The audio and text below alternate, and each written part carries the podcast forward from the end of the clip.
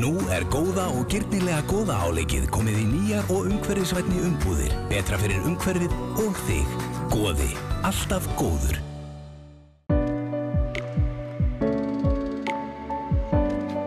Sigurður Gísli Gunnlaugsson á Akureyri fekk beinkrabbamein fyrir 20 árum þegar hann var 11 ára gammal sem tókst að lækna. Sigurður bjóð þá á samt fýburabróðu sínum og móður í Östurlandegjum en pappa hans og tveir aldri bræðu byggu í Fnjóskadal. Fyrsta minning mín af sagt, að ég sé orðið komið með krabbamein, svona í minningunni að þá hann er ég komin upp á spítalaðan.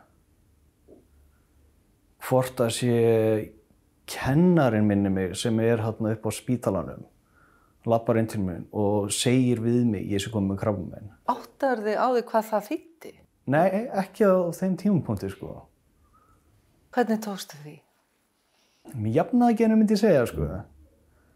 Maður bara hjælt ánfram og maður var aldrei eins og segja af hverju ég á þessum tíma.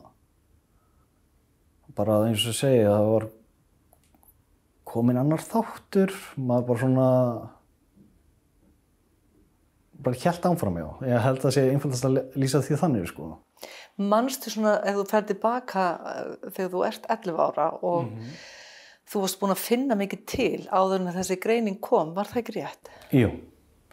Það er svo að uh, það er eina helgina að þá eins og sé fer mér að verka rosalega þá í hægri mjamkampinn og næ ég ekkert að sofa og svo að segja sagt hefur mamma, mamma áhyggjur af mér að sagt, ég er farin að fá hita líka.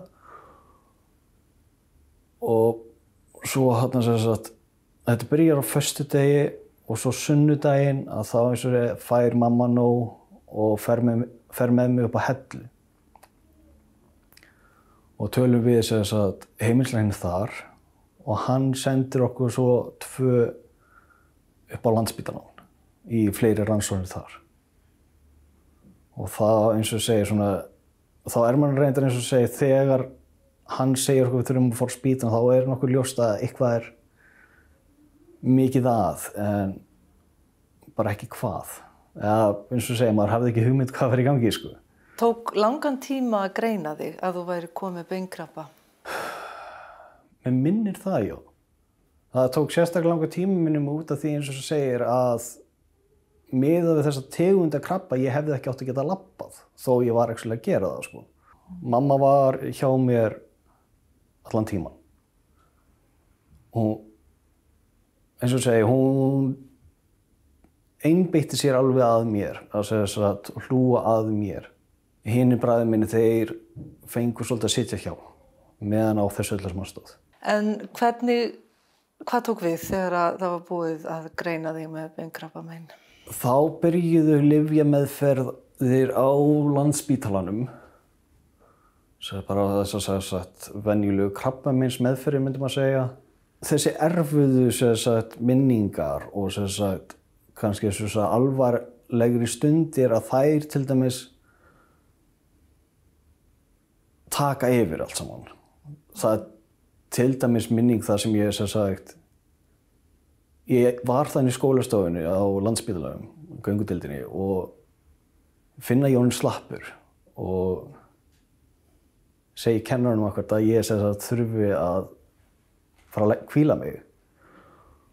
Og ég er komin hún á gangin og ég sé mömmu mína og kramminslæknir minn vera að spjalla saman. Og ég kalla á þau og byrja um að hjálpa mér. Og svo akkurat þegar þau eru komin til mín að þá bara svona, þá miss ég allan kraft þá bara dett ég niður sko. og þau þurfa bókslega að draga mig sagt, inn í herbyggi ég er með meðvitund en eins og bara líka minn hann er bara búinn sko. En þú þurftir að fara til Svíþjóðar í einhverjar meðferði var það ekki? Já, þess að desember 99 þá fór ég sagt í merkskipti eða sagt þá var tekið merkur úr mér ef það skildi fara svo að krabbamenni myndi dreifast sagt, út í merkin mm -hmm. og er ekki hvort það var gert meira þá En svo var það minnum í februar og mars það sem ég fór í þess að fyrstu svo kvöldu svo hálifja meðferðir. Það var alveg alvöru. Já, það var svo- svolítið mikið þannig hvort myndi degja undan ég eða krabbin. Já, það var alveg það. Já, þetta var eins og segja, krabbin hjá mér, hann var það drifður. Hvar var hann? Uh, ég held að einfaldlegast að myndi segja að hann var ekki í höndunum og neðst í fótunum. Fylgdu þess ekki miklu verkir? Það var bara fyrst sem ég mann eftir. Það sést að sko út frá beinkrabunum sjálfum þá var það fyrst. Það sem ég mann eftir verkjum. En svo var þetta í hálifja meðfram þá grunum eins og segja að þetta var þá blanda af beinkrabbanum og svo lifja meðfram líka. Á- Segja þetta ástæðan fyrir mig verkjað svo mikið. Hvaða áhrif hafði þessi lifja meðferð á þig? Andlega og líkamlega? Uh, andlega mjög lítil að mér minni eins og segir að þegar ég hugst tilbaka á minn eigin krabba að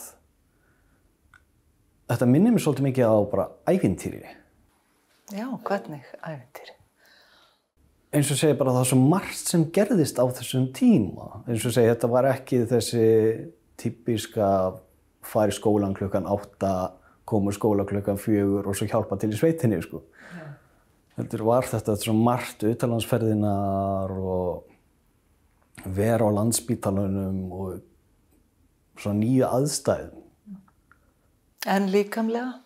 Hvernig? Líkamlega eins og segi, ég er búin að vera sköllóttur síðan þarna, 11 ára Mistur að hárið í lifja meðferðinni já, og kom það svo aldrei aftur? já Hvernig var að, hvernig var að díla við það? það var mjög fínt sko Já, ég, ég var, hana, var mjög latur að sinna hárunum mínu og var með alveg svakalega liðað og krullað hár.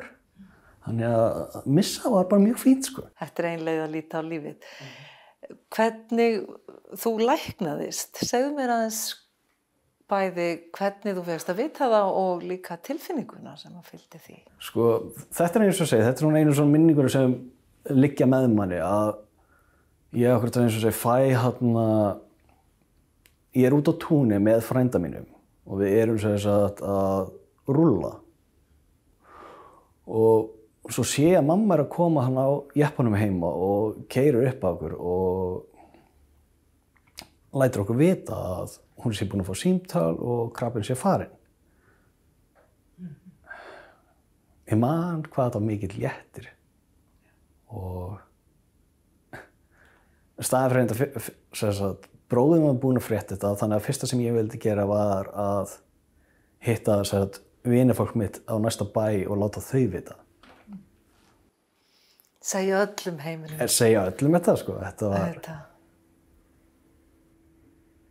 en tí, þeim tíma reynda gerði ég mér ekki grein fyrir hversu alvarlega þessu greppi var og meira þess að það er ekkit fyrir það lengur síðan að ég bara vissi það.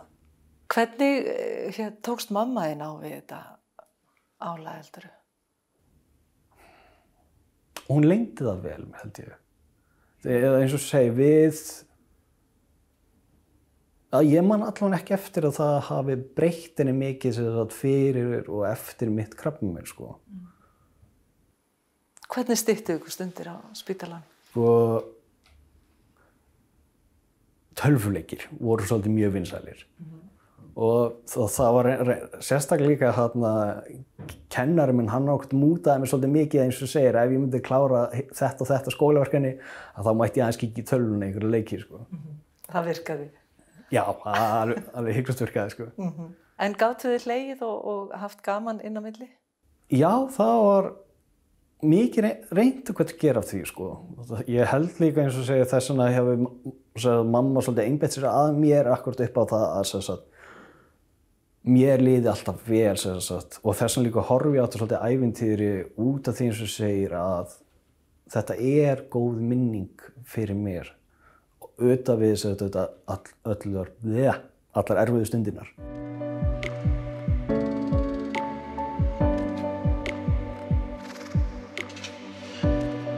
Nú er góða og gyrnilega góða áleikið komið í nýjar og umhverfisvætni umbúðir. Betra fyrir umhverfið og þig. Góði. alltaf góður.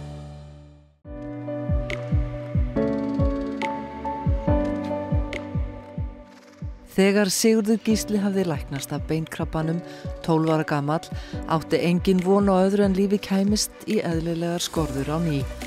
En annað kom á daginn, hvert áfallið á fætur öðru dundi á fjölskyldunni. Fyrst segði svo að aðfungudagsmorgun 2000, sama áru ég satt læknast, að þá fellur afið minn frá og mann reyndir ekki hvað kom fyrir hann hvort það var hjartað eða eitthvað svo leiðis.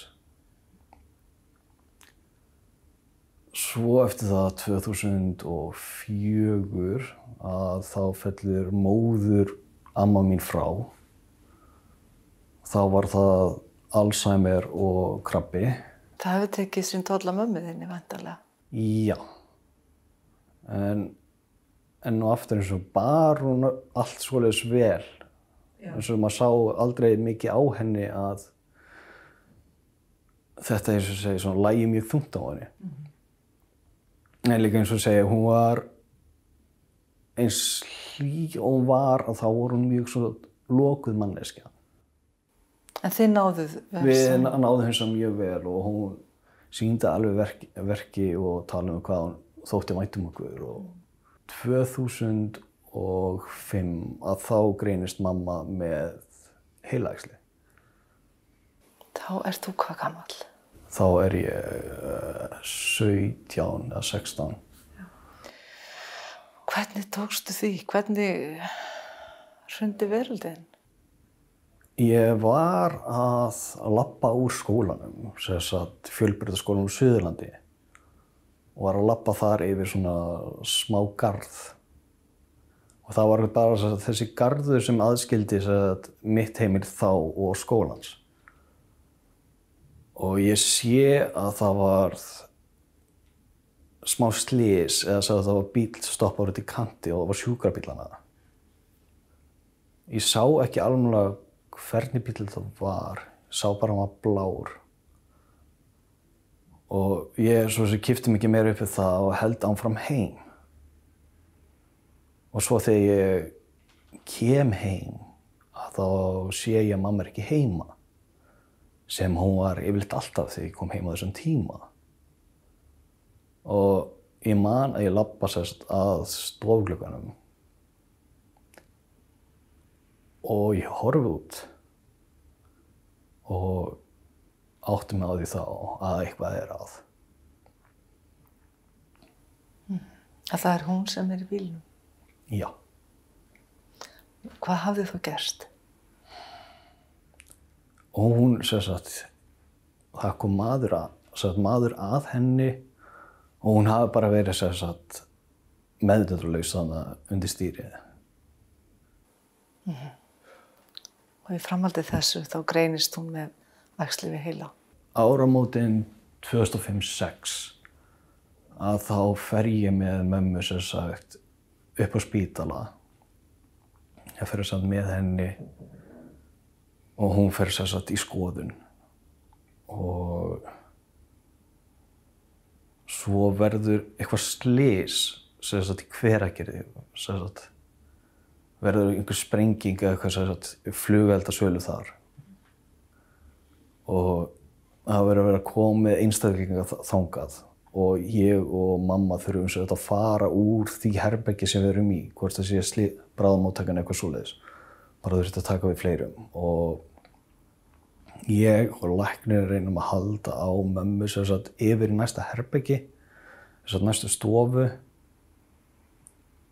Kominu sér satt erum að fara inn í sér glítið svona bókaherbi, bókaaðstöðu þannig inn á milli og þar og rétt að við komumst að því þá missir mamma allan mátt. Og ég og lækri náum rétt svo að koma mömmu þangað inn. Og þar sest hún í gólfið.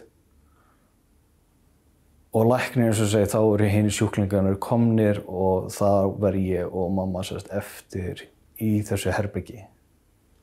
Mamma eins og segi hálf meðendurleysnir á gólfi, kastar þvægi minnir að þetta hafi verið einhverja fimm mínútur sem ég hafi fimm, já, verið hjá henni, fimm frekar, mjög svo langa mínútur.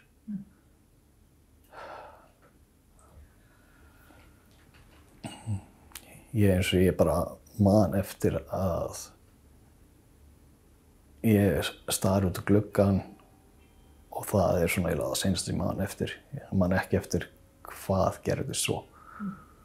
Hvernig við komum svo í burtu. Man minnir hens var Nei, ég man ekki eftir hvort ég að fara einn heima eða ekki þann daginn, sko. Hvað tók þetta erfiða stríð hennar langan tíma? Þetta tók tvö ár.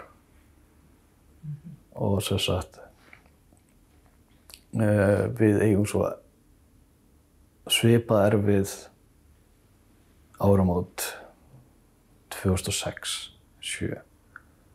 Þá eins og segi er ég búinn með grundund málum sagt, á Suðurlandinu, í fjölbæðarskólanum á Suðurlandi. Og búinn að vera eina önn sagt, hér fyrir norðan á í verkmyndaskólanum Akureyri að byrja vélstjórn hérna. Auðvitað við að sagt svo þannig sem sagt í november þá, þá kemur krabbin upp aftur hjá memmu og um áramótin að þá missur hún aftur meðvitund heima og þetta er aftur eins og segi hvort þetta sé gamla ás eða nýjósdag það sem ég er að hjálpa sjúkaraliðum að koma með mig upp í sjúkarabíl mm.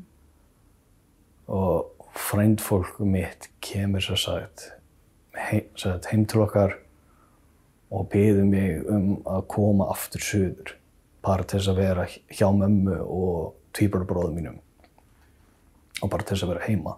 Hvernig, hvernig var síðasta kvöldið sem þið áttu saman til mamma? Seinasta kvöldið, þess að sagt, seinast stundir sem áttu saman, að seinast mann eftir að hún var að segja ykkur brandara. Man ekki hvernig það fór. En svo eftir það missir hún sér meðvutund og það eru þrjá nætur. Ég er hjá henni senstu nóttina. Uh, elsti bróður minn, hálfbróður minn, að hann sefur í kvíldarherbygg þannig að þess að á spítalanum, Sölfossi og ég leiði honum að sofa.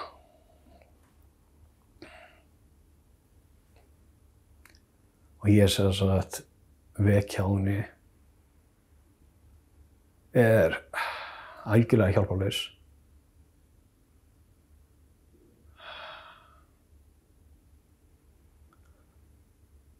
Og veit ekki hvað ég er að gera eða hvað ég get gert þarna.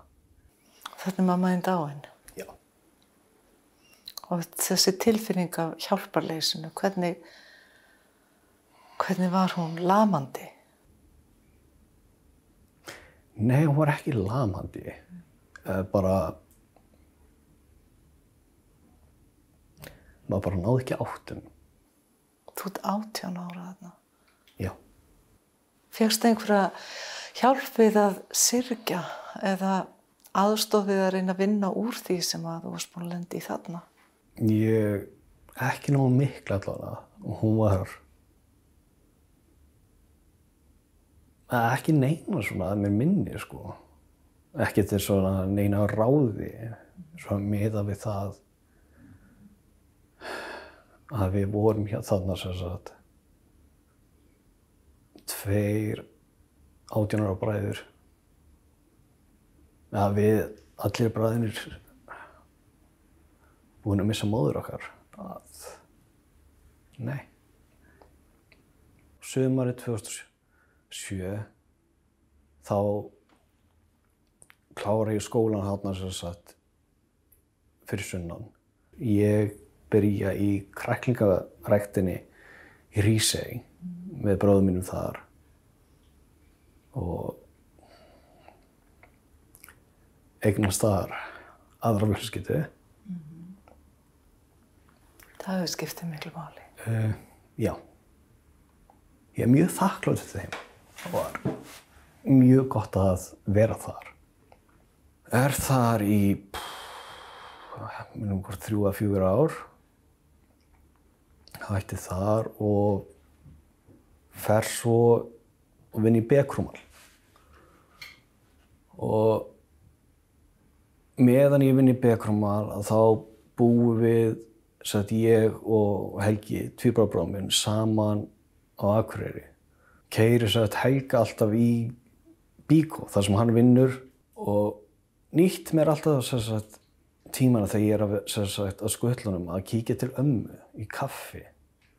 Og ég var freka grannur þá og hún greip þá alltaf tækifarið og eins og segi, maður kemur til ömmu og þá var alltaf tróði í mann kukum maður reyndar fannst það ekki leðilegt og það var reyndar langur tímið hjá henni hvort það var 2011 og þá, eða 2010 jáfnvel, þar sem hún greinist með krabbamein. Hvort minnum að það var í livrinni og einhverjum fleiri stöðum. Og hún fer eins og segi lifið meðferð og lifið með þannig krabba alveg til 2013 og þá, já, fellur hún frá. Svo næsta sem ég veit af er að ég er að hjóla heim úr Bekrumall. Ég ætla að fara að pumpa í dekki á hjólinu mínu og hann sér að ringir í mig og segir mér eitthvað það að hann sé komið krabba mig líka. Ólíkt mömmu að þetta tók fljótt yfir. Þetta tók bara yfir á einhverjum þrem eða fjórum mánuðum. Og á lók óttubær 2014 þá fellur hann frá. Þegar ég missi pappa að þá hann held ég áfram. Ég meira þess að ég tek mig ekki frí úr vinninni fyrir eitthvað en ég tók frí úr skólan þegar ég misti mömmu. Sérstætt áramótin og sérstætt í janúarmánuð þá gengur þetta fyrir þetta ganga aðeins svo vel. Ég, ég fann að segja trúnamannu stöðu þarna í Begrumal og mér líði bara vel.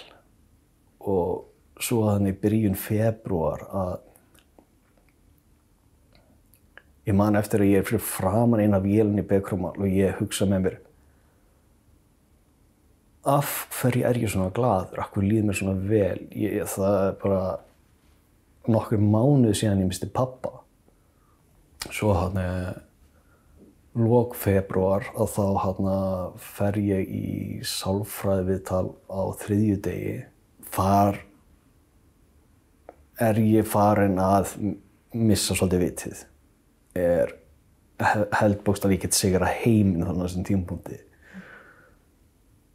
og fer úr viðtalinu allt held ég að væri í fínasta lægi sem var ekki því að hann sunnudaginn eftir það er ég ægilega búinn að missa vitið. Og svo mánudags morgunin að þá já, pekkar lögregla mér upp nakinn fyrir utan sjallan í mínus tíu tólstofu frosti. Það var freka kallt og skuttlaði mig upp á stöð. Þar býðum við í smá stund svo eftir það er farið með mig upp á spítala þar sem ég er sprautaður niður og farið með henni á geðdild þar sem ég er bókstala læstur inni út að ég er komin í svo kallar geðróf og bara bústala að missa vitið. Mm. Og stutt eftir það greinist ég með geðkværa síki 1. Ég man eftir að ég satt þarna inn á geðdeldinu og ég leiti kringum mig bara hm, það hlaut að koma þessu. Já, það hlaut að koma að þessu. Já, það var al alveg þannig sko. Mm. En þegar þú segir það, það hlaut að koma að þessu, Mm er það ekki bara akkurat raukrétt skýring, það var, þú, það var ekki unnið með öll þessi áföll Aha. og það endar svona eða hefur aðra skýringu? Nei, ég, eins og segir líka svona miða við þessar tímasendingar eins og segir að Gisko eins og segir, mætti lýsa sig eins og sýkingu. Þetta er eins og segir, ég fæ smá sár hann þegar ég missi pappa og það eins og segir kemst svo eitthvað í þetta og þetta er bara versnar þangar til eins og segja það þarf að leggja mig inn. Ég fer að kíkja í grófina og haustið í grófinni þá kynist ég konunu minni sem ég er með ennþá degi dag og ég er svo heppin að það fylgdi með henni ein lítil tveggja háls á þessum tíma og geng bara rosalega vel. Mér finnst þess að ég var að klára skólan í vor, kláraði þess að vélstjórnina. Til hafmyggjum með það. Takk fyrir það. Og, og geðkvara síkin eins og segir, svona hjálpaði mér að ná mér upp úr því þunglindi og þá vannlíðan sem ég lifði við. Ég, ég átti af og til góðar stundir, jú, þetta sem sagt, fyrir þetta, en ég lifði ekki lífun eins og ég ger í dag. Ég gerði bara það sem ég þurfti til þess að lifa af. Mér sem sagt fannst eins og sér bara að ég væri sem sagt uh, þurfti bara að lifa við þess aðstæður. Og ég fannst það ekki óréttlátt eða rámt. Bara þetta bara var svona. Er hægt að fara í gegnum þetta öðruvísöld en þú gerðir? Nei, ég efast um það. Maður eins og segir bara lifir hver dag fyrir sig. Bara tekur einn dag í einu og bara heldur bara áfram. Og tekur hverja ákvörðun bara á því mómenti og lifir svo bara við hana.